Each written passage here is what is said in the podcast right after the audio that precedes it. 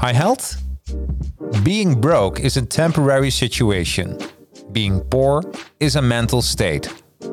Deze fantastische quote komt uit het boek The Power of Mentorship.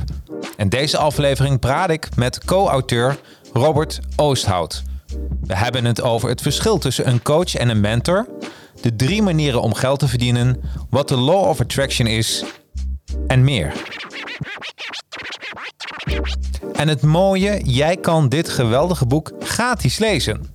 Kijk in de show notes van deze podcast naar de downloadlink van dit boek. Mijn naam is Jacarino en je luistert naar de Jacarino's Advertising Heroes podcast. Here we go. Yeah, the advertising heroes. Let's go. Okay, the advertising heroes. Time for you to know. Help you get your name buzzing for the world. Time to show. Help create a market plan. Now it's time to get it rolling. Even offering you live and online courses. Yeah, yeah. Time to strategize. If you ready, let's begin. For your Instagram, Facebook, LinkedIn. Five years experience, the minimum. So they can help you step it up. Time to represent. Okay, can this ish crash? Knowledge is power. Advertising heroes, yeah, you know that they got ya. Time to take it higher, ready for whatever. Help your social media go to the next level. Uh, advertising heroes, and they ain't stopping. Can this ish crash? Knowledge is power. Advertising heroes, time for you to show it. Help you represent your brand. Time to be heroic, yeah. Advertising heroes, let's go. En welkom iedereen. Ja, een nieuwe aflevering van uh, de Advertising Heroes podcast. Um, ja, het is uh, lekker op vakantie geweest. Uh, een paar weekjes even weg, ook met de podcast. Is ook altijd goed. Want dan, dan, dan heb je tijd om weer wat andere boeken te lezen. Weer wat andere inzichten te, krijgen. En ja, dat, dat is heerlijk. Nou, we beginnen meteen met een knaller. Dat kan ik je alvast vertellen. Want je ziet achter mij al de kaft, The Power of Mentorship, Robert Oosthout. En laat Robert nou ook mijn gast zijn. Nou, welkom, uh, welkom Robert. Het is echt Dankjewel. super. En ik vind, jij hebt eigenlijk wel een, een applausje verdiend. Alleen al om hier te zijn. Want hoe lang heb je erover gedaan, Robert? Um, ik uh, moest van Harderwijk komen. En nou ja, weet je, dat duurt volgens de routeplanner 1 uur en 14 minuten. Ja. En ik heb expres wat meer tijd genomen. Want ik dacht van er zijn wat files onderweg, dus ja. daar moet je rekening mee houden. En ik vertelde net aan je collega, ik had ook nog een zitting onderweg. Oh, want, want dat heeft te maken met je beroep. Je bent advocaat. Ik ben advocaat. En ja. uh, door corona worden een heleboel zittingen nu niet meer live gedaan. Hoewel dat wel weer terugkomt. Maar uh, telefonisch of per Zoom. Oh, is dat gewoon via Zoom? Ja. Oh, is dat veilig genoeg? Want ja. dat was altijd de vraag, hè? Ja. toch? Dat is nou, ook bij jullie een tijdje. Met name uh, mensen die bij bijvoorbeeld Defensie werken, die is het verboden om met Zoom te werken. Oké. Okay. Maar voor de rest, uh, de rechtbank vindt het geen probleem. Nee, nee, nee, nee. nee. Sk wat ze ook doen, ze gebruiken Skype. Ja, precies, ja. precies. Oh, dus eigenlijk geen, geen Zoom, maar Skype. Z zeker. Ja, oké, okay, oké. Okay. Dus en daarbij je mag toch bijna bij elke rechtszitting ook eens publiek aanwezig zijn, of niet? Of is dat? Dat is uh, bij de meeste zaken is dat aan de orde. Uh, hmm. Behalve bijvoorbeeld bij persoon- en familierechtszaken. Omdat dat natuurlijk een uh, privé karakter heeft. Ja. Maar in principe zijn rechtszittingen in Nederland openbaar. Dat is juist. Ja, ja. dus, dus vandaar dat ik me kan voorstellen dat het, het... Het is natuurlijk wel een beveiligde omgeving, maar als een journalist even meeluistert, is dat uiteraard geen probleem. Nee. Nee. Um, leuk dat je uh, bij mij in de uitzending bent. Want de, de, het format is iedere zondag lees ik een boek. Ja. En, uh, en de vrijdag erop bespreek ik het met de auteur. Ja. En in dit geval de co-auteur. Mhm. Mm -hmm. Want er zijn meerdere auteurs geweest van het boek uh, The Power of Mentorship. Precies. Uh, maar ik wil toch eerst even inzoomen als jouw persoon. Mm -hmm. laat zeggen, wij staan met z'n tweeën in de lift. Ja. En we gaan omhoog en ik vraag aan jou, Robert, wat doe je dan precies? Dan krijg ik voor jou een, een, een hartstikke mooie elevator pitch. Nou, kijk, uh, mijn naam is Robert Oosthout en ik ben advocaat en ik help vooral MKB-ondernemers en vermogende particulieren. En wat ik dan doe, is dat ik uh, me vooral bezighoud met financiële afwikkeling van echtscheidingen, erfenissen, de overgang en beëindiging van ondernemingen en in arbeidsgeschillen. Nou, en dan is natuurlijk vervolgens de vraag: wat is het voordeel voor mijn klanten? Ja. Nou, het voordeel is dat ze daarmee gemoedsrust bereiken, omdat ze weten dat de financiële zaken goed geregeld zijn, waardoor er weer een toekomst is. Nou, en ehm, wat maakt mij dan als advocaat uniek? Waarom ben ik anders dan mijn collega's? Ja. Nou, door mijn kennis en ervaring van het recht, maar ook van eh, bedrijfskunde en eh, de financiële wereld, eh, kan ik iets waartoe andere advocaten over het algemeen niet in staat zijn. En dat betekent dat, ehm, kijk, in het vak als advocaat is communicatie een buitengewoon belangrijk aspect. Ik ben ook mediator. Ehm, en daardoor is het zo dat ik geleerd heb om te kijken waar de schoen werkelijk wringt. Dus niet alleen maar te luisteren naar het verhaal van de cliënt, eh, maar ook te kijken naar wat is het eigenlijke probleem. Ja, Vaak precies. is dat het verhaal eronder, zeg maar. Ja. Dus je gaat als het ware een, eh, een laag dieper. Nou, en ehm, eh, daardoor ben ik in staat om met andere oplossingen te komen dan eh, waar de meeste van mijn collega's aan denken. Eh, dat heeft ook te maken met het feit dat ik met de klant een nieuwe visie creëer, waardoor ik als het ware een nieuwe toekomst voor die klant creëer. Samen. Je, je bent echt een. Nou, nou staan we wel bij de bovenste verdieping. Ja. Deuren gaan open. hè, en je geeft me je kaartje. En, hey, maar dit is wel grappig, want je bent echt, ehm, en zo ken ik je ook, ehm, eh, echt iemand die op een, ja, met een marketingbril ook naar zijn eigen business kijkt. Ja, En je hebt ook veel eh, eh, trainingen gevolgd. klopt. Eh, ook in Amerika. Ja. Om je echt te laten bijspreken. Ook niet door de minste. Ja. Hè, want kun je een paar, kun je een- aan name dropping doen? Welke? Nou, Blair Singer bijvoorbeeld. Blair Ja. Singer is een van 's werelds meest bekende sales trainers en Ja. coaches. Hij werkt onder andere voor mensen als T. Harv Eker, Donald Trump, eh, eh, Brian Tracy, dat soort mensen. Oh, dat zijn, dat zijn maar ook echt wel hele bekende namen. Ja, Dat is echt geweldig. Ja. Hey, en, en hoe kwam jij eigenlijk, eh, eh, dat is meteen mooi, want het is eh, meteen een mooi bruggetje naar eh, Boekreview. de boekreview van The Power of Mentorship. Ehm, eh, jij bent co-auteur. Kun je een beetje vertellen hoe dat, hoe dit boek tot stand is gekomen? Ja, Eh, in 2015 in december was ik in eh, eh, Reno, Nevada. En Ja. daar deed ik de professional speakers training van een club waar ik lid van was. En die club heette toen Global Information Network. En dat is een club waarbij zeg maar een groot aantal leden, meer dan 10% is miljonair, multimiljonair, zelfs miljardair. Zo. En eh, het punt is dat de meeste van die mensen zitten niet te wachten op concurrentie. Dus die zijn ook niet bereid om hun kennis te delen. Maar deze mensen hebben er bewust voor gekozen om dat juist wel te doen. Omdat zij eh, zeggen van, luister, Donald Trump kan wel zeggen, it's in the, eh, it's genetics. Ja. Oftewel, het zit in je genen. Het is erfelijk. Hij gaat zelfs een stap verder. Hij zegt, als jij het niet geërfd hebt, heb je er geen recht op. Nou, daar verschil ik met hem van mening. Ja. Want eh, ik denk dat eh, eh, genoeg van die halen, verhalen bewijzen dat ook wanneer jij een, een achtergrond hebt van dat je uit een kansarm gezin komt of uit een omgeving, dat, men, dat sommige mensen dan toch zo doorzetten dat ze uiteindelijk daar komen waar ze wezen willen. Nou, en daar zijn genoeg verhalen van bekend. Ja, ja, ja, ja. Dus ik vind dat je mensen altijd de kans moet geven. Eh, en dat is overigens geen garantie. Want natuurlijk is het zo dat omgeving belangrijker is dan wilskracht. Dat wordt keer op keer bewezen.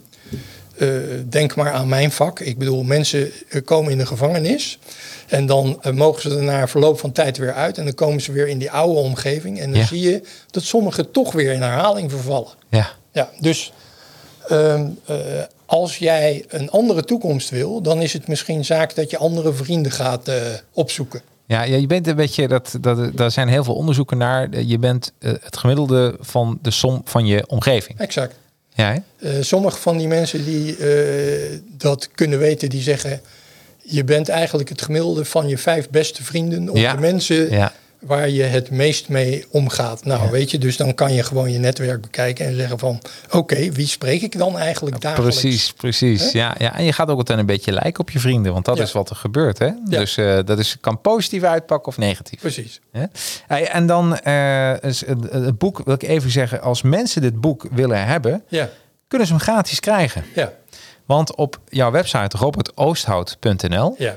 Ehm, daarin eh, eh, dan heb je bij, eh, bij boeken of edities. Ik heb de, de URL zet ik wel ook bij de podcast, bij de show notes. En mensen ook die dit nu zien, die zien hem ook meteen in een bericht staan. Dat, dat als je op een linkje klikt dan, en je laat je mailadres achter, dan krijgen ze dit boek gewoon gratis Zeker. per mail. Zeker. Of meteen downloaden, denk ik, per mail of downloaden. Eh, volgens mij eh, is de bedoeling dat ze hun mailadres achterlaten... Ja. zodat ik het gewoon op kan sturen. Oh ja, nou helemaal goed. Ja, ja wat geweldig. Dus ehm, en eh, ik heb het boek gelezen en ik moet zeggen, je geeft heel veel waarde weg Ja, voor niets. Want het is niet zomaar een gratis e-book. nee. Dat wil ik even. En dat zullen mensen ook wel. De waarde van het boek. krijgen ze een idee van naarmate dit gesprek vordert. Ja, Want eh, we beginnen eerst even bij jou. En dat vond ik zo mooi. Je eerste hoofdstuk ehm, is eh, When your attitude is right, the facts don't count. ja. Kun je dat uitleggen? Want dat komt in je eerste hoofdstuk Ja. eigenlijk terug. Nou ja, kijk, weet je, ehm, eh, dat is een onderscheid wat ook in die training aan de orde kwam. Die training werd gegeven door Don Boyer en Brad Labitt. Eh, en die waren natuurlijk allebei lid van die club waar ik het net over had. Ja. Ehm, en ehm, Don Boyer, die dit eigenlijk al jaren doet met allerlei mensen. En die ook eh, eh, gecoacht wordt door Brian Tracy onder andere. Ja. En door ehm, nog een aantal anderen, maar die zal ik zo wel even noemen. Ja. Die zei van, kijk, weet je, er zijn een heleboel public speakers. Maar de meeste van die mensen verdienen geen geld. En toen ging hij uitleggen hoe dat kwam. Want, zei hij, rijke mensen, en voor mij bestaat dat uit meer dan alleen maar geld, hè. Ja, ja. Ehm, want het gaat ook over de rijkdom die het leven zelf is. En of je die kunt ervaren en ook delen met anderen. Nou, eh, maar hij zei, kijk, weet je, de meeste mensen zijn niet in staat om daar voldoende eh, eh, rijkdom in al zijn facetten te genereren. En dat heeft met een aantal zaken te maken. A, als jij daarop uit bent, ik zei net, dan zorg je dat je nieuwe vrienden gaat creëren. Ja. Maar dat kost tijd. Ja. Tegelijkertijd is het handig, eh, dat zou je als ondernemer beamen, als je een coach hebt of een, of een mentor. Ja, ik noem dat een buddy. Ja. Ik vind dat heel fijn. Ja. ja. Nou kijk, het verschil tussen coach of mentor, dat heb ik ook beschreven in dat eh, eerste eh, stuk in dat boek. Dat is dat een coach die moedigt je vooral aan van de zijlijn eh, om zeg maar je te enthousiasmeren om het resultaat te halen waar je op uit bent. Zo cheerleader. Ja. En eh, een mentor is vaak iemand die het spelletje meespeelt. Zodat je, hij leeft het je als het ware voor. En je hoeft alleen maar na te doen wat die mentor doet. Ja, ja, Nou, ja. En, en dan kom je dus, dus uiteindelijk op de, op, het, op de plek waar je wezen wil. Ja. Nou, en ehm, dat is dus één aspect. De meesten hebben een coach of een mentor.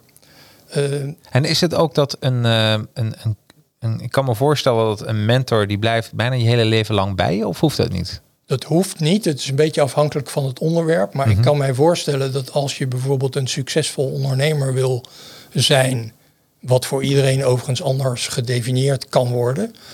Maar er zijn natuurlijk toch een heleboel ondernemers die dat definiëren in termen van eh, omzet, maar vooral ook eh, hoeveel ze onderaan de streep overhouden. Ja, ja. Ehm, nou, kortom, dat is het financiële aspect. Ehm, maar ehm, hij zei, eh, er is nog iets anders wat die mensen kenmerkt. En dat is dat ze een buitengewoon krachtig netwerk hebben. Ja. Dus eh, niet alleen zijn ze genereus en delen ze van alles met, die, met Jan en Alleman.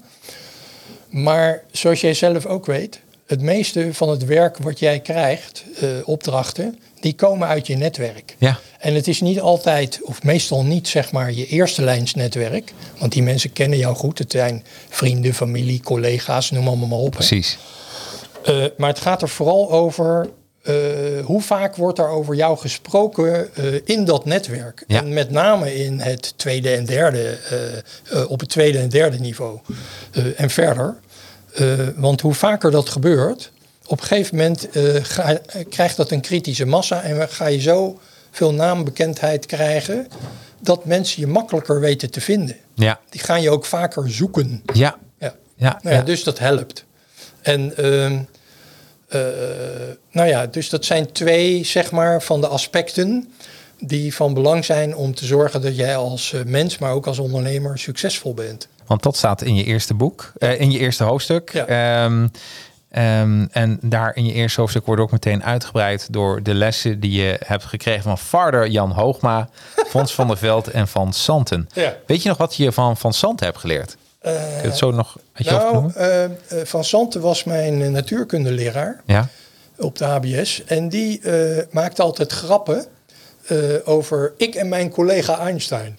Dus, Oh, wat geweldig. Eh, eh, eh, wat hij daarbij eigenlijk deed was eh, de boel een beetje lichter maken. Humor, humor inbrengen en Ja. lichter maken. Ja. Zodat, kijk, een heleboel kinderen of jonge mensen die op de middelbare school zitten, die hebben bij, bij de exacte facten toch iets van, oh dat is allemaal moeilijk en zwaar en zo. Nou, en door de wijze waarop hij dat presenteerde, werd het allemaal eh, lichtvoetig en leuk, zeg maar. Ja, super toegankelijk. Ja, Ja. Ik noem dat zelfs als je het eh, naar infotainment toetrekt. Ja. Dan, dan dat is je. En als je die combinatie goed weet te pakken, Ja. dan wordt een les ook veel leuker. Inderdaad. Hè, je hoort ook wel eens mensen die dan de exacte vakken niet leuk vonden. Ja. Dan ga je doorvragen en zeggen, die lessen waren oer saai. En de mensen die het wel leuk vonden, ja, die zeiden meestal van ja, dit, dit- dat vond ik gewoon genieten. Ik zal een puntje van mijn stoel, dus daar gaat het ook een beetje over. Hè? Hoe weet je? Ja. Eén ding, ik Ja. vond exact de vakken wel leuk, maar ik heb toch HBS aangedaan. En dat vooral te maken met het feit dat eh, ik een wiskundeleraar trof, die ehm, zeg maar, eh, nou ja, weet je, hij had gewoon geen geduld. Nee. Nou, dat kan. Ik Ja. bedoel, eh, niets menselijks is ons vreemd. Ja. Ehm, eh, eh, bijvoorbeeld, ik zei op een gegeven moment, hij was de axioma's aan het behandelen. En toen ging het over dat de kortste afstand tussen twee punten een rechte lijn is. En toen zei ik van ja, moet je, moet je horen, een- een turf van eh 15 jaar. En die dan zegt tegen zo'n leraar, ehm, ja dat is in het twee- en driedimensionale is dat zo. Maar hoe is het in de vierde dimensie? En toen zei hij, Oosthout, hou je kop, het is veel te ingewikkeld. ja, hij- hij wist zijn publiek ook natuurlijk. Hij Ja. dacht van even tot hier niet verder. Ja, nou, maar hij, hij had bijvoorbeeld ook kunnen zeggen van... luister, kom nou naar de les even vijf minuten en leg ik het je uit. Ja, precies. Weet je wat de vierde dimensie is? De Nee. factor tijd, dus er is geen verschil. Oh, er is geen verschil. Oh, wat geweldig. Ja, dat had je ook even kunnen zeggen. Ja.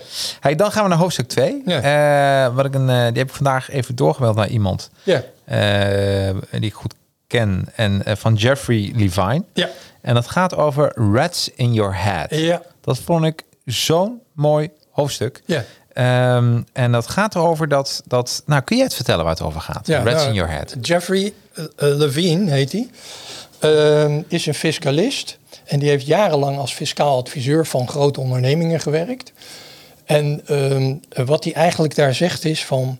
Kijk, weet je, de kwaliteit van je gedachten bepaalt hoe succesvol jij gaat zijn. Met andere woorden, ehm, eh, je kent eh, Richard Bandler eh, van NLP wellicht wel. Die Nou, de luisteraars misschien niet. nou, Richard eens. Bandler is een van de ontwikkelaars van een systeem wat neurolinguistisch programmeren is gaan heten. En die schreef een boek en dat heet Hoe wij dingen in ons hoofd halen. Dus dat gaat erover, gedachten zijn er voortdurend, ongeveer 60 tot 70.000 per dag. Ja. En sommige daar blijven we aan haken en andere niet. Dus ehm, het gaat er vooral over waar focus je op. Nou, en ehm, om een voorbeeld te geven, in 2008 meen ik, kregen we een onroerend goed crisis. Hè? Ja. En toen dat kwam, toen dacht ik van, ja weet je, nou gaat iedereen weer meehuilen met de wolven in het bos. Maar je kunt er dus ook voor kiezen om te zeggen van, ik ga aan deze conversatie niet meedoen. Ja. Dat heb ik letterlijk gezegd zo. No, no rats in your head. Nee, dus weet je wat dat betekende? Nee? Dat in plaats van dat mijn omzet naar beneden ging, dat die gewoon bleef stijgen. Ongelooflijk. Ja, Ja. Ja, wat goed. Dus, Ja. want je liet het gewoon niet toe. nee. Nee, ik dacht van de- deze, deze dit, hier wil ik me niet meer doorvoeden. Ja. En gedachten worden actie. Ja. Hè? Dus eh, gedachten worden daden. En je dacht, daar ga ik niet aan meedoen. Ja. En dat is eigenlijk waar, waar eh, dat hoofdstuk over gaat van Jeffrey Le- Levine. Ja. Reds in Your Head. Mhm. En, ehm, en wat ik ook heel mooi vond, eh, als mensen meelezen, pagina 30 staat het erbij. Ja. Kritiek kost altijd iets, het pace zero. ja. Dat vond ik zo mooi. Oftewel, Ja, wees ruimhartig. nou, wat ik zo mooi vond, mensen die ehm, eh, heel vaak kritisch zijn, Ja. criticasters, Ja. Dat, dat letterlijk verdien je daar niets mee. Of Nee. je wordt ingehuurd om een criticaster te zijn Ja. hè, door de media, dat kan. Ja. Maar eh, als je het gewoon zelf, van jezelf uit al heel kritisch op alles bent, Ja. het betaalt gewoon niet terug. Inderdaad. Hè? Dus eh, eh, het pace zero vond ik zo mooi, vond ik zo'n eye-opener. Dat, dat als je naar buiten kijkt, ik ben positief ingesteld al van mezelf. Maar eh, als je dat niet bent, dan moet je altijd afvragen, ja oké, dat ben ik nou wel, maar het krijgt er helemaal niets voor terug. Nee. Dat is zo mooi. Sterker nog, het stoot alleen maar af. Hè. Dat is ook in het boek. Relaties, eh, eh, vrienden, kennissen. Ja. Eh, ja, het wordt steeds minder. Inderdaad. Je wereldje wordt steeds kleiner. Kleiner. Doe me een beetje denken aan mijn hond. Ik ga met mijn hond heel vaak wandelen. Ja. En we hebben zo'n zo'n veldje. Ja. En, en wat de laatste tijd of laatste jaar is gebeurd, dat eh, mijn hond die gaat, die heeft zo'n autoriteitscomplex gekregen naar andere honden. Oh. Want hij gaat heel vaak in dat veldje en dan eh, is hij daar de baas. en als nou iemand anders in dat veldje staat, denkt hij, nou, dit is niet de bedoeling. Ja. Ik hoor hier, hier te Ja. staan, ik ben hier de baas. Ja. Dus als hij binnenkomt, gaat hij meteen op alle honden even afrennen en even corrigeren van, je moet je wel stilhouden, want ik ben hier de baas. en, en, dat, en dat kan natuurlijk heel erg confronterend overkomen. Die honden redden zich wel, maar voor een baasje is dat soms, eh, die net een hondje heeft, is dat niet leuk. Nee. En wat je dan eh, ziet bij zo'n, dus wat ik heel vaak doe, dan loop ik even, als er meerdere honden staan, loop ik met mijn hond door. Ja. Hè, ik dacht, ik wil, ik wil dat gewoon niet. Ik wil niet die stress eh, voor de hond en voor de baasjes. Maar dan wordt je wereldje steeds kleiner. Ja. En daaraan zat ik dus te denken toen ik dit las. eh, ehm, als je altijd een criticaster bent, je wereldje wordt gewoon steeds kleiner. Ja. Want op een gegeven moment sta je alleen maar aan het veldje te roepen. Mooie metafoor. denkt- Ja, toch? Ja. ja. Zeker. Dus ja, ik leer heel veel van mijn hond. Die, kan, die zou zo een eh, boek kunnen schrijven, als hij kon schrijven. Eh, dat ben ik wel met je eens, want wij hebben ook een hond. Nou ja, heel mooi. Eh, een Duitse staande korthaar. En daar- die, daar wandel ik elke dag mee, meerdere malen. Maar nou, weet je, over het algemeen gaat het goed. Maar die heeft ook een beetje dat macho-achtige gedoe. Ja, Ja, ja, dus, hè? dus soms moet ik hem gewoon kort houden. Ja. Want eh, als er dan een mannetje in de buurt is, nou ja, weet je, de kans is vrij groot dat het, dat het vechten wordt. Dat bedoel ik. Ja, dus dan wordt het wereldje, want jij als baas denkt van dit, dit wil ik niet. Nee, En Of je loopt door, of je zegt die confrontatie. Maar het wereldje van zijn hond wordt steeds kleiner. klopt. En omdat hij zo'n grote criticaster is. Ja. nou ja, de enige plek waar, waar ik daar geen last van heb, Ja. dat is op de hei. Ja, Want dan los. hoef ik hem namelijk niet eh, aan te lijnen. Nee. En dan kan hij er gewoon weg. Het is ook een mooie metafoor. Zijn de hele, heel veel criticasters voelen zich aangelijnd. Ja, inderdaad. inderdaad. Dus ik denk dat dat ook een beetje is. Hey, dan gaan we naar... eh, oh ja, en Zig Ziglar, die had het over eh, snipe. Ja. Hoe, hoe zeg je dat? Sn- Sniop. Sniop? Ja, even kijken hoor. Ik pak hem er even bij. Ja, pagina 27. Mensen kunnen ook weer lekker meelezen. Ja, dat is leuk. En, en Zig Ziglar is ook een hele bekende verkoper eigenlijk. Ja, zeker. Ja. Ja, dat, is, eh, dat is echt een, eh, dat is geen fantasiefiguur, figuur. Zo'n naam Ja. heeft hij wel. Ja. Maar, eh, en hij heeft het over eh S-N-I-O-P. ja. En dat staat voor Susceptible to the Negative Influence of Other People. En ik zou je het kunnen vertalen voor de luisteraars? Nou, dat je bevattelijk bent voor de negatieve invloeden van andere mensen. Of waar jij Ja. het net over had. Van eh, als mensen alleen maar criticasters zijn of alleen Ja. maar negatieve input hebben. Dan, eh, eh, oké, die mensen zijn er. En het is ook verder oké. maar je kunt er dus voor kiezen om daar geen energie in te stoppen. Nee, nee. Ja. nee. Dat is heel, dat is echt, echt, dus wees er ook selectief in. Ja, Of eh, probeer positief te zijn dat anderen daar meegaan. Dat is, dat, dat, dat is mijn aanpak. Nou, dat lukt meestal heel erg goed. klopt. Hè, dat mensen denken, oh ja, zo, zo kan het ook. En dan Ja. eh, krijg je een hele leuke vibe. Precies. Wat je ook doet. Ja, Eh, hoofdstuk 3 ja. gaan we nog een enorm bekende naam droppen. Bob Proctor. ja. dat was die andere coach van, ja. van Don Boyer.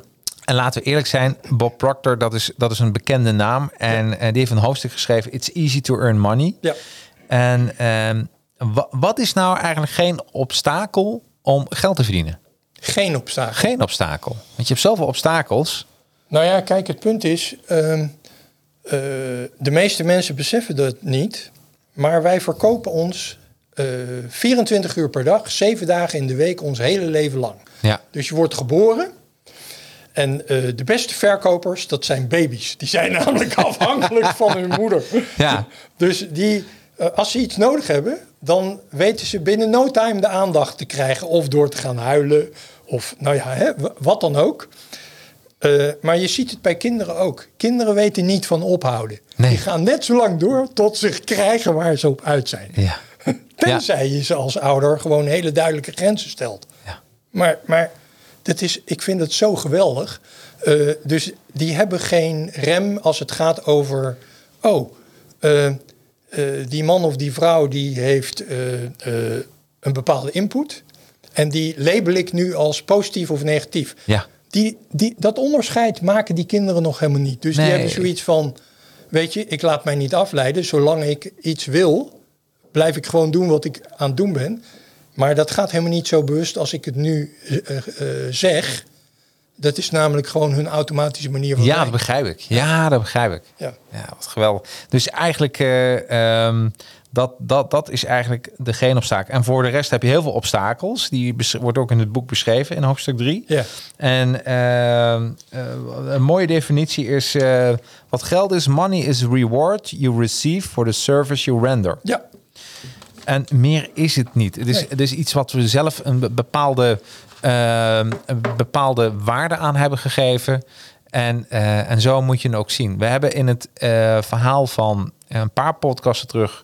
hebben Daan en ik gesproken over Napoleon Hill. ja, En eh, wat een hele mooie was, een bepaalde inzicht... is van, is think and grow rich. Ja. Ehm, hoe, ehm, hoe pervers is geld? Hadden we het even over. Maar als je het ook deze erbij pakt, is dat gewoon niet zo. Het is gewoon een Nee, waarde. boven- bovendien, kijk, weet je, hoe pervers geld is een assessment, oftewel een Ja. beoordeling. Terwijl geld is gewoon geld. Ja. Ik bedoel, het is een gecreëerde conversatie door mensen. Het is ook een idee. Ja, Het is energie.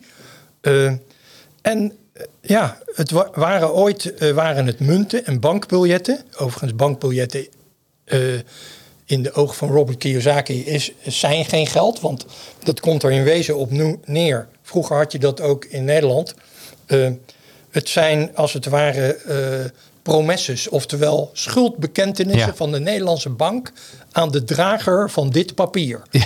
Nou, Ja, ja. en vervolgens zagen die bankiers dat dat eigenlijk nooit geïnd werd. Dus, nou, je, je kent de conversatie. Ja. Vervolgens gingen ze meer geld creëren dan er aan waarde tegenover stond. ja. En dat noemen wij nu inflatie. Ja, ja, absoluut. absoluut. Dus, maar dat, dat, en dat is wel mooi, want als je er zo naar kijkt, het is gewoon voor de, de, het is de, de waarde die gegeven wordt voor jouw dienst. Ja. Zo moet je naar kijken. Ja. Eh, en eh, verder in het boek ook bij jou en bij Think and Grow Rich zorg er wel voor dat je de beste service leent ooit. Dus als je gewoon goed bent eh, in je werk, Ja. Hè, dus eh, eh, het, de vergelijking wordt ook heel vaak met een boer gemaakt. Een boer die zaait en oogst. Mhm. Ja. En als jij wilt, wilt, wilt oogsten zonder te zaaien, dat is, dat is, dat is, Dat gaat niet werken. dat gaat niet werken. Nee. Dus, en dat is heel mooi. Dus ook daarin, wil je daar iets meer over weten als luisteraar of als kijker, lees hoofdstuk 3 van, van dit boek. Mhm. Ehm, ik heb een paar dingen opgeschreven voor mezelf. eh, en, en wat ik echt bijna een tegeltje waard vind, die Ja. hier kan komen te hangen of in het pand. Ja, er staan heel veel mooie dingen in. Being broke is a temporary situa- eh, situation. Ja. Being poor is a mental state. Inderdaad. Zou je dat kunnen toelichten? Ook vanuit Nou jouw ja, visie? kijk, eh, being broke, oftewel blut, dat betekent alleen maar dat je op dat moment geen geld in je portemonnee hebt of op je bankrekening. Ja, Maar dat hoeft je helemaal niet te weerhouden om geld te verdienen. Of gewoon eh, eh, dat te verdienen waar je op dat moment behoefte aan hebt. Want, die, want geld is in wezen, eh, zoals het hier ook staat, een idee. ja, maar het kan best zijn dat, dat, vervolgens weer, dat je dat vervolgens weer ruilt tegen datgene waar je behoefte aan hebt. Dus als jij je in natura laat betalen, soms, dat doen sommige mensen, ja, dan is dat in wezen ook een vorm van bijna geld. ja. Ja. Ja, nee, dan is het hun tijd voor, eh, voor een dienst. Ja. Voor, hè? Dus Ja. eh, heel mooi. We zijn bijna een half uurtje voorbij. We hebben nog een half uur, uur te gaan. Ja. Eh, we hebben iets, een, een klein berichtje van de sponsor. Dat zijn we zelf. Ehm, we laten de mensen er even naar luisteren, want we gaan iets organiseren. Eh, in de eerste twee weken, oh de eerste, nee, vanaf maandag 13 september hebben we dagelijks een challenge. Wat leuk. Kunnen mensen gratis aan meedoen en het is de challenge hoe je een online training kan eh, opstarten en distribueren. Ja. Dus heel veel in deze tijd, en ik denk dat het corona eh, tijdperk nog wel even doorgaat, als ik de nieuwsberichten zo mag geloven Inderdaad. denk dat eh, wij dachten, oké, hoe kunnen wij de mensen daarbij helpen? Daar gaat het boek ook over. En dan zijn mijn collega en ik tegen elkaar van, wat als we nou elke dag om 10 uur, van 10 tot, eh, tot eh 11 uur uitleggen, een half uurtje misschien wat vragen, eh, dat we mensen daarbij helpen. Ja. En el- iedere dag hebben we dan, ehm, één, gaan we het over eh, welk programma wij daarvoor gebruiken, want we hebben online trainingen, wel, eh, hoe wij adverteren, hoe je bijvoorbeeld een mooie landingspagina maakt om mensen te, te interesseren. Ja. Iedere dag. Nou, Ja. ik laat mensen eens even onze commercial zien en horen en dan zijn we zo weer bij je terug. Hi, ik ben Jacarino van Academy.nl. Hoi, en ik ben Daan van Academy.nl. We hebben geweldig nieuws voor je. In de week van 13 tot en met 19 september hebben we een gratis challenge voor je. De bouw en verkoop van je eigen online training. Eh, deze vijf dagen organiseren we iedere ochtend een live training. Eh, elke training gaat over een verschillend aspect wat komt kijken bij het bouwen en het verkopen van je eigen online training. Denk hierbij bijvoorbeeld aan eh, het bouwen van de training, dus de software. Hoe je klanten kunt vinden voor jouw training door het organiseren van power webinars. Hoe je converterende landingspagina's maakt. Het promoten van jouw training door middel van social media advertising, nieuwsbrieven en podcasting. Je kijkt over onze schouder mee en we leggen je alles stap voor stap uit. Zijn er vragen tijdens of na de uitleg? Die kun je aan ons stellen via de online chat. We leren je handige tips en tricks en delen waardevolle kennis, zodat jij van jouw eigen online training een groot succes kunt gaan maken. Heb jij plannen of dromen om binnenkort jouw eigen online training te lanceren en te verkopen? Dan is deze gratis challenge zeker een aanrader. Heb jij nog vragen of onduidelijkheden? Neem dan gerust even contact met ons op. We zien je graag terug op maandag 13 september om 10 uur tijdens deze gratis online challenge. Meld je aan door op de knop te klikken. We zien je dan. Tot dan! Tot dan. Ja, nou, dus als mensen zich willen aanmelden, eh, de, de knop, ik zorg gewoon dat er een knop op de website staat. Of je gaat naar gewoon academy.nl, A-H-C-A-D-E-M, Griekse ei.nl, academy.nl. Eh, ik doe ook de link wel in de show notes. En kun je gratis aanmelden voor van, we beginnen maandag 13 september. En dan eh, iedere dag van 10, 's ochtends van 10 tot 11, half 12. En dan eh, na een week bij helemaal bijgespijkerd hoe je, een inspiratie hoe je een online training kan beginnen. Superleuk. Ehm, wij gaan door met, eh, met de boekreview. Boekreview. Ja, en het is niet zomaar een boek. Het is The Power of Mentorship. En ik zit hier tegenover Robert Oosthout, co-auteur van het boek. En mensen kunnen dat boek ook gratis downloaden via robertoosthout.nl. Dus eh supergoed. We gaan even door. We hadden, eh, tijdens eh, de commercial hadden wij het er even over. tenminste, je attendeerde mij van waarom de meeste ondernemers geen geld verdienen. En dat vond ik wel een hele mooie. Moet ik hem nog een keer Ja, herhaal hem nog eens even voor de kijkers Nou ja, en kijk, luisteraars. mensen, een heleboel mensen voeren gesprekken, waaronder uiteraard verkoopgesprekken. En eh, de laatste en belangrijkste vraag, namelijk, is dit product iets voor jou of deze dienst? En eh, ga je het kopen? En eh, wel nu.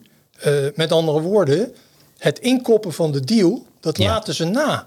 Dat is zo raar. Dat noemen we dus een beetje voetballen zonder doelen. Inderdaad. Hè? Ja. we hebben het heel leuk met elkaar, maar het, gaat nergens toe. Nee. Ja, maar dat klopt helemaal. En dat heb ik ook meegemaakt met een, een van de, de, de redenen. Ik ben lid geweest, eh, lid geweest van een businessclub, was ik voorzitter. Ja. En een van de redenen eh, waarom mensen niet lid werden, eh, is dat ze het nooit werd gevraagd. Ja. Dat is even, en nooit heel expliciet van, ah, het komt wel.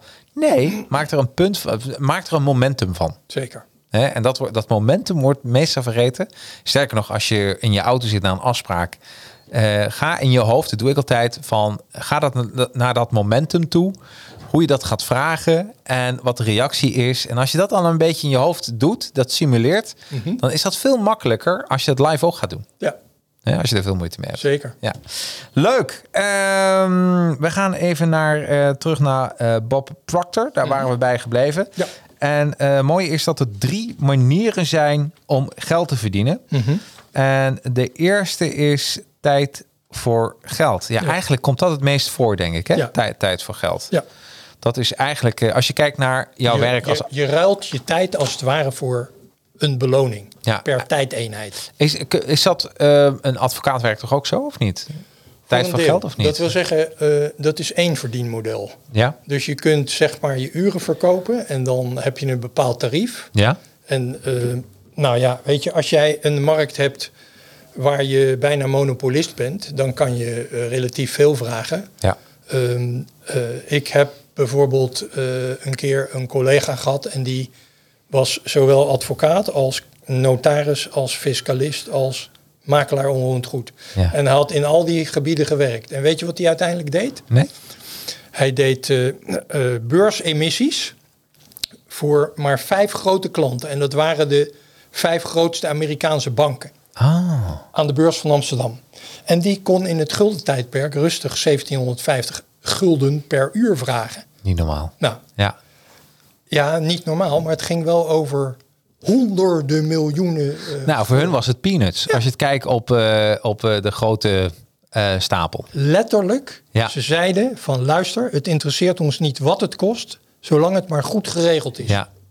En daarbij is ook het, het, het, de, de, de servers en het, de winst die ze terugpakken. Ja. Dan heb ik winst tussen aanhalingstekens. Ja. Die is veel groter dan de kosten. Dat klopt. Dus, En hij, weet je, het voordeel voor hem was Ja. dat hij maar duizend uur in een jaar hoefde te werken, letterlijk. Ja. Want hij zei, joh, luister, eh 1,7 miljoen, want daar praten we over. Ik bedoel, wat, wat heb ik nou nog meer nodig?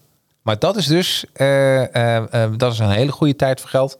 Maar de meeste mensen die in de auto zitten of met rondwandelen, of die, die herkennen dit. Eh, ook een ZZP'er die iets maakt, eh, een ondernemer die iets produceert, tijd voor geld. Ja. Dat is eh, in de commerciële dienstverlening komt dat heel veel voor. Ja, Eh, maar dan hebben we even eh, nummer twee is investeer geld om geld te verdienen. En dat Ja. is in je boek staat dat dat ongeveer bij 3% van de totale bevolking op deze manier geïnvesteerd wordt. De eerste is 97% Ja.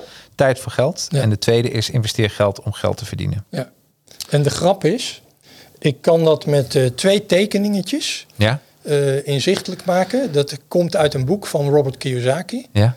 En ehm, eh, hij heeft bijvoorbeeld een boek over investeren geschreven. En dan maakt hij een cashflow kwadrant. Ja? En dan zegt hij, ehm, moet je voorstellen, je bent eerst ben je een werknemer, employee, dan ben je een kleine zelfstandige, ehm, en dan ben je een bedrijfseigenaar en een investeerder. Nou, en je ziet als je daar fiscaal naar kijkt, dit is de IB-kant, inkomstenbelasting. Dit is Even, even voor de luisteraars. Dus altijd eh moet een beetje beschrijvend vertellen. Ja, dat ga ik doen. Oké, top. Nou, eh, kleine zelfstandige maak ik hier even van. Ja. Eh, kijk, hij zegt, de meeste mensen, die 97% waar jij het over had. Kun je hem even voor de camera Ja, houden? ga ik dat, doen. dat is jouw camera. Ja. En dan gaan we het ook nog vertellen voor de Ja. luisteraars. Ja, heel goed. Ja. Dus in dat vakje waar de E omcirkeld is, dat gaat over die 97% van de mensen. ja. Die hun tijd voor geld ruilen. Ja. Nou, hij zegt, weet je, het probleem is, fiscaal gezien, is dat het zwaarst belaste, eh, is dat de zwaarst belaste arbeid. Dus Ja. eh, eh, loon uit arbeid is het zwaarst belast. Nou, dat betekent dat jij, als je erop uit bent om rijk te zijn, Ja. wat dat dan ook mogen zijn voor jou, eh, dat dat eigenlijk de minst interessante manier is om, te, om geld te verdienen. Want Ja. dat betekent namelijk dat je het meeste naar de fiscus brengt. ja, precies. Je bent een soort ambtenaar. Ja, Belastingambtenaar. nou, ja. dan kan je zeggen van nou, dan word ik zelfstandig ondernemer. Mhm. Maar dan is het van belang of je dat in de inkomstenbelastingssfeer of in de vennootschapsbelastingssfeer doet. Mhm. Omdat, kijk, de overheid weet al lang dat ondernemers eh, zijn van belang voor het creëren van werkgelegenheid en dus inkomen van mensen en dus ook huisvesting van mensen enzovoort. Ja. Dat betekent dus, het is niet voor niks zo dat ook in Nederland meer dan 55% van het bedrijfsleven bestaat uit het MKB. dat is de werkelijke motor van de Nederlandse Ja. economie. Ja. En niet de multinationals. Nee, nee, nee, begrijp ik. Nou, en ehm, het verschil tussen die en die Ja? is dat je hier ga je opereren in een rechtspersoon. Tussen die en die even voor de ja, luisteraars. wacht even. Ik Dat laat het nog weer even zien. Ja, ja, en ook Dus ehm, eh, je ziet daar eh, kleine zelfstandigen in het onderste vakje Ja, staan onder linksonder. employé. ja, Eh, dat zijn die mensen die in een eenmanszaak of in een VOF opereren of in Ja. een maatschap. ja, en dan zie je daar vervolgens de B staan, Ja. schuin omhoog. ja, Eh, en daar zie je bij, daarboven zie, staat er VPB, oftewel vennootschapsbelasting. Mhm. Dat betekent dat je in een rechtspersoon aan het opereren bent. Ja. En waarom is dat zo? Nou, dat heb ik net uitgelegd. Je krijgt allerlei belastingfaciliteiten, omdat de overheid zich realiseert dat zonder die mensen die hele economie helemaal niet in staat was om zoveel eh, omzet, geld en eh, goederen te genereren, oftewel hulpbronnen voor, al, voor alle mensen ja, in die economie. Ja. En eh, dat is bij het ene land eh, wordt daar wat meer aan gedaan bij, daan dan bij het andere. Maar in ieder geval ehm, is dat de reden waarom ondernemers door de overheid gefaciliteerd worden. Als je in de rechtspersoon opereert. ja. En dat is dus belangrijk. Eh, en, en, maar dat heeft dan, ehm, als je daarnaar kijkt, Ja. voor nummer twee. Ja. ehm, investeren geld om geld te verdienen. ja. Hoe, hoe kun je dat dan daarmee rijmen als rechtspersoon? Nou, wat je doet is, ehm, eh, kijk, in de eBay-sfeer zijn Ja. de tarieven eh, tussen de 16 en de 52 procent. Ja, In de praktijk betekent het echter dat die tarieven door allerlei toeslagen en aftrekken tenderen naar 46 procent. In de vennootschapsbelasting zijn de tarieven 25 tot 45 procent, maar die, die worden nu teruggebracht, want eh, het tendeerde te veel naar de inkomstenbelastingsfeer. ja, ja, ja. ja. Dus da- daar zag je dat die voordelen voor de ondernemers steeds eh, minder werden. En dan wordt het op een gegeven moment niet meer interessant om in de rechtspersoon te opereren. Oh, Oké, dus als je daar naartoe gaat, dan ben je meer bezig met eh, ehm, geld verdienen door eh, eh, ehm, eh, je investeert geld om geld te verdienen. Ja. Ah. Ja. En Hey. overigens, er zijn een heleboel accountants die zeggen... zolang jij nog niet twee ton of meer verdient... moet je dat helemaal niet doen, want ze wegen de kosten daar niet tegen op. Nee. Maar als jurist zeg ik... luister, er zijn ook andere redenen waarom je een rechtspersoon zou willen. Dat heeft namelijk met de beperking van je aansprakelijkheid te maken. Want als jij namelijk hier ondernemer bent... Ja. dan ben jij met je gehele privévermogen aansprakelijk. Moet Ja. je voorstellen. Ja. Eh, voorheen was het zo dat meer dan 90% van de Nederlanders was getrouwd in gemeenschap van goederen. Als ik een fout maak, dan is, zijn de consequenties voor mijn eh, lieve vrouw. Ja, die daar niet om gevraagd heeft. Nee, nee, nee, nee. Dus wij hebben dat anders opgelost. Ja. We hebben huwelijksvoorwaarden gemaakt. ja. Zodat die crediteuren niet aan haar spullen kunnen komen. Want zo kun je dat ook doen als je in de IB en dan eh, kleine zelfstandige Ja. huwelijkse voorwaarden. Ja. Ja. Ja. Kijk, het blijft altijd wel zo. Je moet wel integer zijn. Op het moment dat, ehm, dat geldt ook hier. Bij in, eh, in het geval jij directeur, en, gro- eh, directeur groot aandeelhouder bent van een BV. Mhm.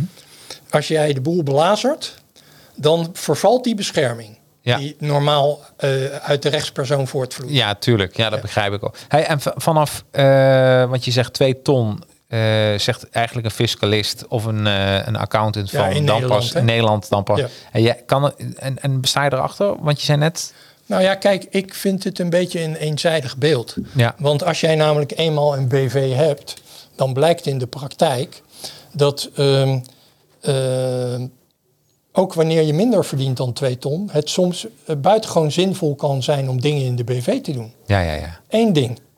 Eh, ehm, in een van die boeken van Robert Kiyosaki, die over investeren ging, daar eh, heeft hij op een gegeven moment een gesprek met zijn rijke pa. Je weet Ja, ja, ja, ja, ja, ja. Rijke, dus trouwens een aanrader voor alle luisteraars. Rijke pa en arme pa. Ja. En ik heb mijn boekreview eh, niet op eh, de podcast, maar als je even op YouTube, Advertising Heroes Rijke pa, arme pa, dan zie je een korte eh, review, boekreview van Ja. het boek. Geweldig boek. Ja.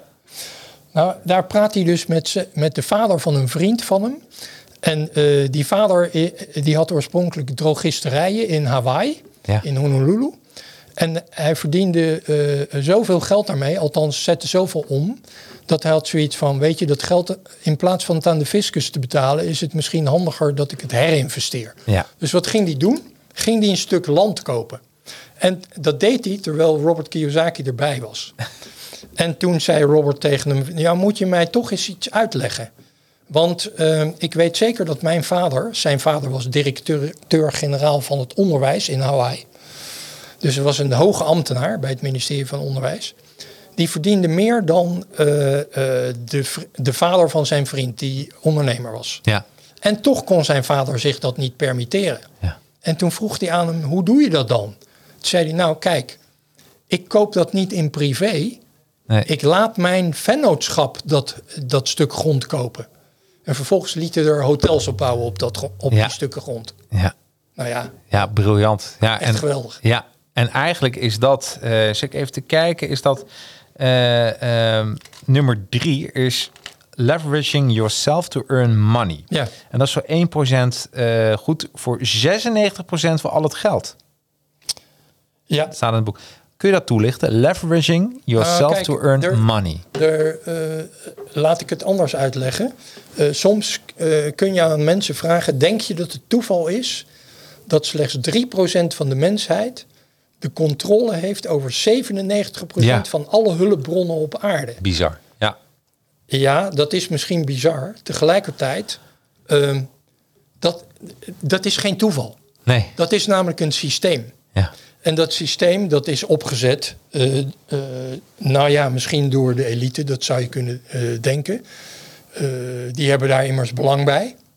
Ehm, ze weten ook heel goed hoe het werkt. Ehm, voorbeeld, de Oranjes hebben heel veel eh, vermogen. Ja. Eh, maar sommige delen van dat vermogen zitten in stichtingen waar zij geen zeggenschap over hebben, maar waar ze hun zakelijke vrienden in het bestuur hebben neergezet. Zo houden ze controle en zeggenschap over wat er in die stichtingen gebeurt. Ja. Ja. Nou, Ja. ehm, even kijken hoor. Het is eh, leveraging. Ja, dus- nee, je- je- Leveraging uh, yourself to earn money. Ja, nou, dus, daar staat hier. uh, This is where you multiply your time through the efforts of others.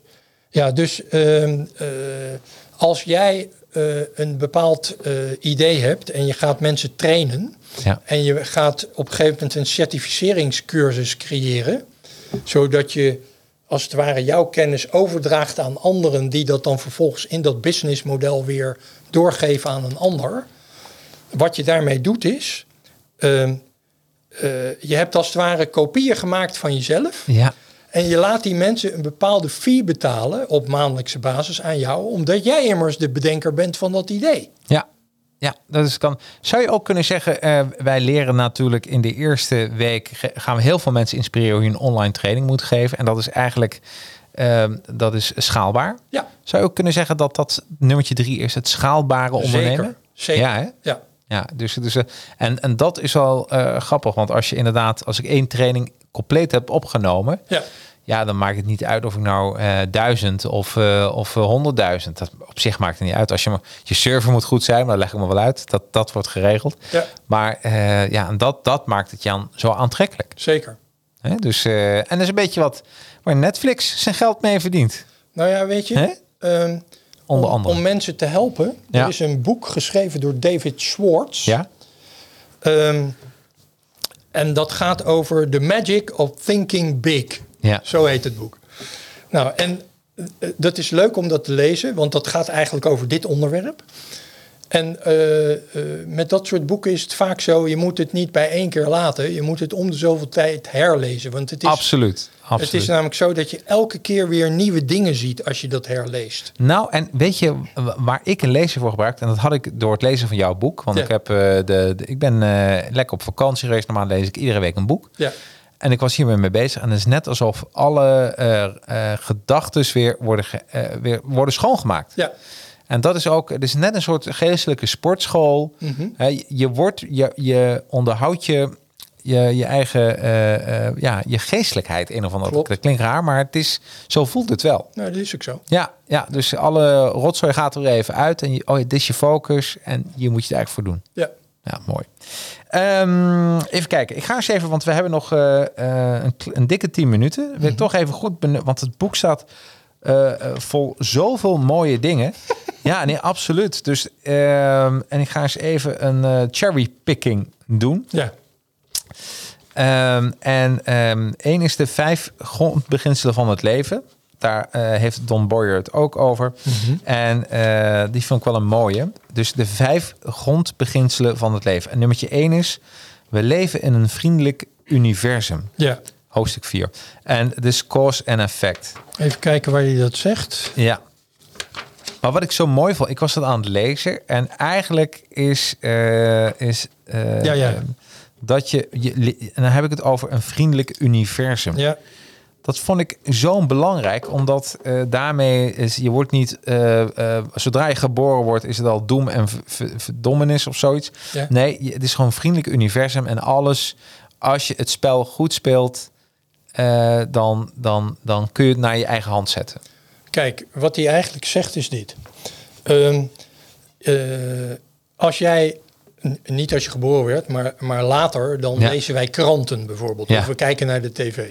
Ja. En je weet dat journalisten, die brengen dat nieuws op een bepaalde manier... die door een heleboel mensen als negatief gelabeld wordt. Ja, En, en daar wordt dan van gezegd, ja, maar dat is ook het enige nieuws wat verkoopt. Want als dingen goed gaan, hoef je er niet over te schrijven. ja, eh, ik ben dat maar deels met ze eens. A, is het zo dat als je voortdurend negatief nieuws tot je neemt, dat je zelf daardoor ook eh, kleiner wordt ja, eh, en niet groeit. Met andere woorden, je hebt een keuze. Die negativiteit is er altijd, ons hele leven lang. Maar de vraag is, wil je daarop focussen? Of zeg je van, nou weet je, ik weet dat het er is, maar ik hoef mij daar niet mee te voeden. Met andere woorden, ik heb jarenlang geen krant gelezen. nee, En ook gewoon de tv niet aangedaan. Want dat is ook, kijk, dat is massacommunicatie. Ja. En er bepaalt een ander wat jij moet horen en zien. Nou, dat wil ik helemaal niet. Ik gebruik mijn computer en ik creëer mijn eigen programma. ja. Ja, nee, ik vind dat, ik ben helemaal mee eens. Dat vind ik ook een mooie. Ik had er eh, laatst met mijn vriendin over. Ja. Eh, we houden heel erg van, eh, van films. Mhm. Maar ik ben gestopt al een tijdje met het kijken van horror. Heb ik nooit echt leuk gevonden. Mhm. Maar ik heb er nou bewust voor gekozen om daar niet te kijken. Of het moet een beetje komisch zijn, maar echt horror Ja. kijk ik niet. En de reden is, waarom zou ik mezelf voeden met zulke dingen? Want het draagt nergens toe bij. Klopt. Hè? Ik bedoel, een comedy kun je nog even lachen. Er wordt nog wat eh, gezonde stoffen aangemaakt. En Daar heb ik trouwens wel iets over te zeggen. Oh, vertel. Weet je, lachen Ja? is buitengewoon nuttig en noodzakelijk. En het houdt ziekte buiten de deur. Ja, daarom. Norman Cousins Ja? is een Amerikaan die op een gegeven moment met kanker gediagnosticeerd werd. En toen eh, ging die lachtherapie toepassen. Elke dag. Ja. Een half uur. Ja. En weet je wat er gebeurde? Nee? De, de, die kanker verdween gewoon uit zijn lijf. Hij werd weggelachen, Ja. letterlijk. Hij, Ja. hij eh, schreef daar ook een boek over. Die, Ja. eh, Anatomy of an Illness heet het boek. En ehm, eh, de doktoren begrepen er helemaal niks van. Nee. Hoe dat nou kon. Maar dat heeft alles te maken met het feit dat door lachen, zeg maar, die, energetisch, dat die energetische constellatie, die wordt als het ware omgevormd. Nou, ik begrijp, ik begrijp dat wel, want Ja. lachen is gezond. Ja. Dus, eh, dat is Letterlijk. letterlijk, letterlijk is het zo. Ja. Dus eh, mooi man. Ehm, even kijken, dat was dan eh, de, de tweede. We hadden het de vijf grondbeginselen van je leven. Eerst was dus we leven in een vriendelijk universum. Mhm. Tweede is je onbeperkte rijkdom Ja. is je erfenis en geboorterecht. Ja. Ik zou het willen toelichten.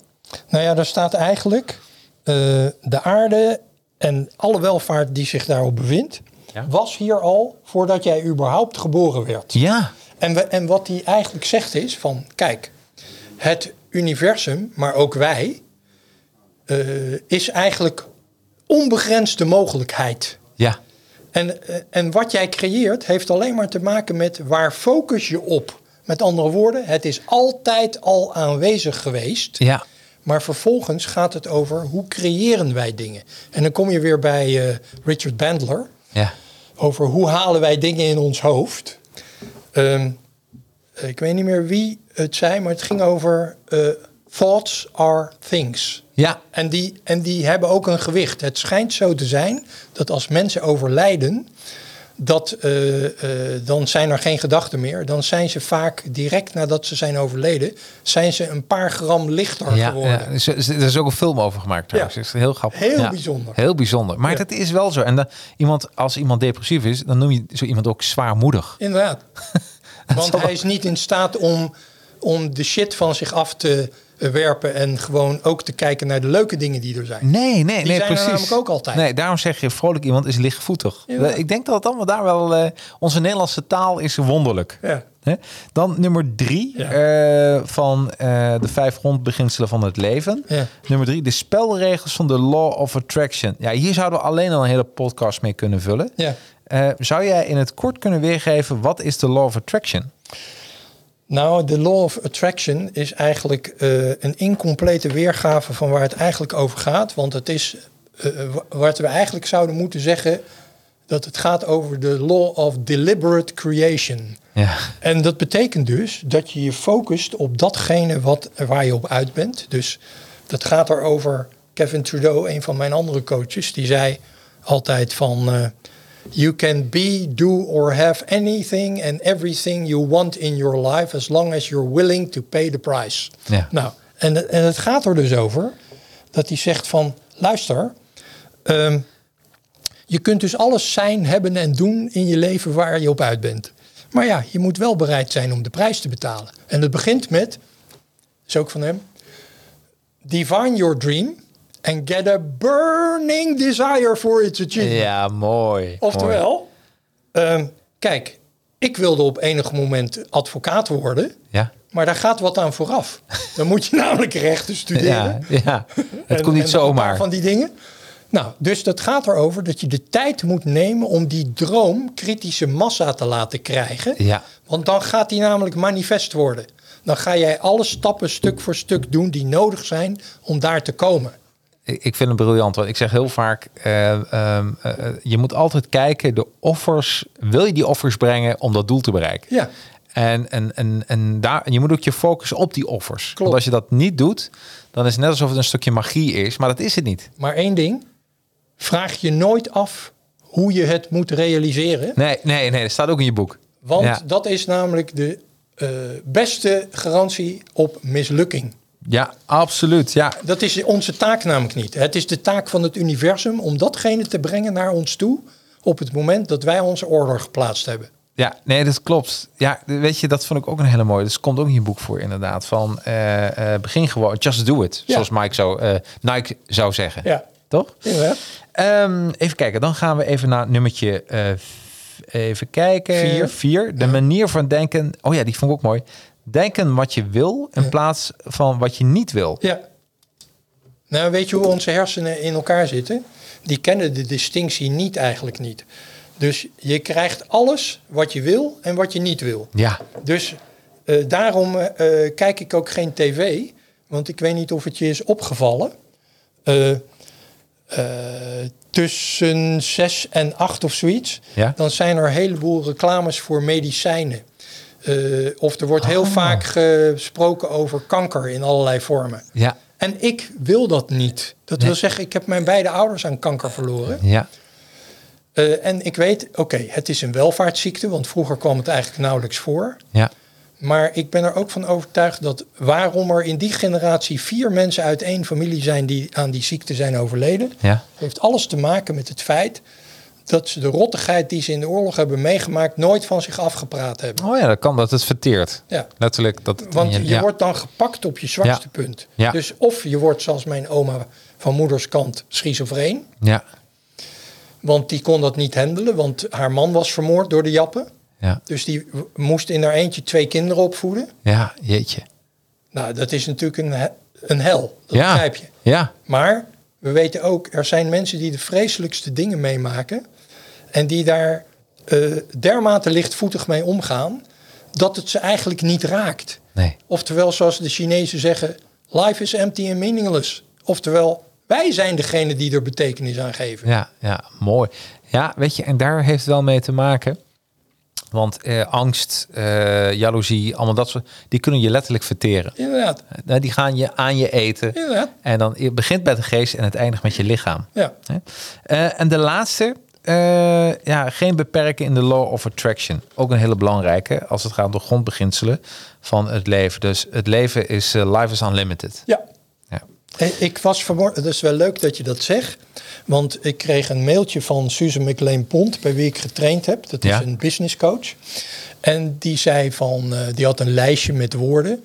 En toen zei ze van, bedenk nou eens drie woorden en die schrijf je op een post-it. En die hang je ergens waar je het eh, op het moment dat jij wakker wordt ziet. En op het moment dat je, vlak voordat je gaat slapen. Ja. En eh, bijvoorbeeld, er was er, eh, het ging over, en dan zet je ervoor, I am generous. en de laatste in mijn geval was limitless. ne- limitless. Ah. Want het heelal, het heelal is zonder begrenzingen, Ja. maar wij ook. Ja, maar dus, dit, dit, dit past zo bij mijn karakter. Want Ja. zo, zo is het wel. Ja, Ja, mooi. Hey, ehm, we zijn nu bij hoofdstuk 4. Het heeft 13 hoofdstukken. Ja. Dus we kunnen nog wel even doorgaan. Doen we niet. Maar eh, Nee, we zijn. laten we die mensen lekker even lezen. lezen. Ik wil even afsluiten met een verhaal wat mij ontzettend. Daar ga ik nog wat verder over nadenken. Ja. Eh, dat is in hoofdstuk 9. Ja. Eh, Vic Johnson en zijn hoofdstuk Can You Believe It? Ja. Dan gaat het verhaal over George Denstick. ja. Weet je hem nog zo uit je hoofd? Nee, niet. Nee, maar nee, nou, we, ik kan- we pakken hem er wel bij. Ja, dat, dus het, hij, kwam, hij kwam te laat op school. Ja. En hij zag. Oh ja, ja, ja, dat verhaal. ja, dat, weet ik verhaal. wel. Ja, vertel. Nou ja, kijk, het kwam erop neer. Eh, de wiskundeleraar was eh, eh, die kinderen een opdracht aan het geven, of zelfs twee opdrachten. Ja. En doordat hij te laat op school kwam, had hij niet de disqualificerende opmerking van de leraar gehoord. Ja. Want die had namelijk gezegd dat, zelfs, eh, dat deze opgaven zelfs voor mensen als Einstein te moeilijk waren. of niet waren opgelost. Nou, dat waren twee sommen, hè? Ja, ja. en, en eh, eh, die jongen had dat niet gehoord, dus die dacht gewoon, oh ja, dat is mijn huiswerk. dus wat gebeurde er? Hij nam dat huiswerk mee naar huis en ging er dus de volgende dag of dagen aan werken. En hij kwam terug op school en toen had hij die vraagstukken had hij opgelost. Ja, maar is toch geweldig. Zelfs Einstein kwam er niet uit, hè? Ja. Dit is echt. eh, en, en dat is juist. eh, een, Over We're Limitless. Ja, we're limited. Maar ook eh, ehm, eh, dat, dat als jij ehm, niet weet dat je iets niet kan, kan, dat is alleen maar goed. Ja, Want als je eenmaal in je hoofd hebt, ik kan het niet, dan kun je het ook niet. nee, maar weet je, wat dat betreft vind ik, ik moet elke keer aan Brian, Tra- aan, hoe heet die, Sir Richard Branson denken. Ja, Sir Richard Branson kwam uit een gezin waarvan de ouders heel erg bekrachtigend waren. En op een gegeven moment toen ging hij, ik weet niet waar het was, in een meer of zo. Hij moest nog leren zwemmen. Hij was vijf of zes. Of zo. ja precies. En hij sprong gewoon in het water en hij begon. En in het begin zakte hij weg. Maar dan zeiden, zeiden zijn moeder, geloof ik dat het was, die zag hem en die eh, ging hem aanmoedigen. En op een gegeven moment kwam hij weer boven water. en, en zo, weet je, met die mentaliteit heeft Ja. hij dus een hele leven vorm gegeven. Ja, screw it, let's do it. Ja. Toch? Ja, wat Geweldig, geweldig. toch? Mooie afsluiter. Eh, Ik zou mensen willen aanraden, ga naar robertoosthout.nl. Daar zie je wel een, eh, een, eh, ergens een, iets van downloads zal erbij staan. Ja. Ehm, en dan zie je het boek The Power of Mentorship. En dan kun je hem gewoon gratis downloaden. Dat is, eh, ik zou het iedereen willen aanraden, want we kunnen nog wel een paar uur spenderen aan het boek. Maar het is ook wel fijn dat mensen het lezen. En er is ook eh, 126 pagina's goed door te komen. Lekker geschreven. Dus moet ik ook zeggen, echt heel fijn. Ja. Eh, eh, en het inspireert meteen.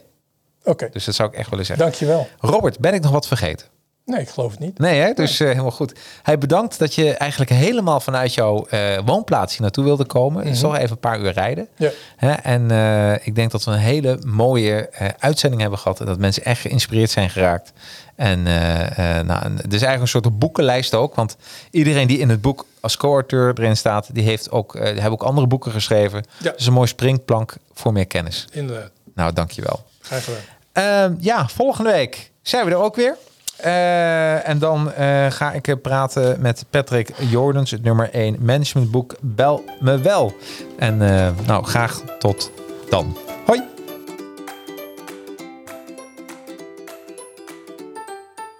Wil je meer gesprekken luisteren met auteurs van populaire marketing, management of zelfontwikkelingsboeken?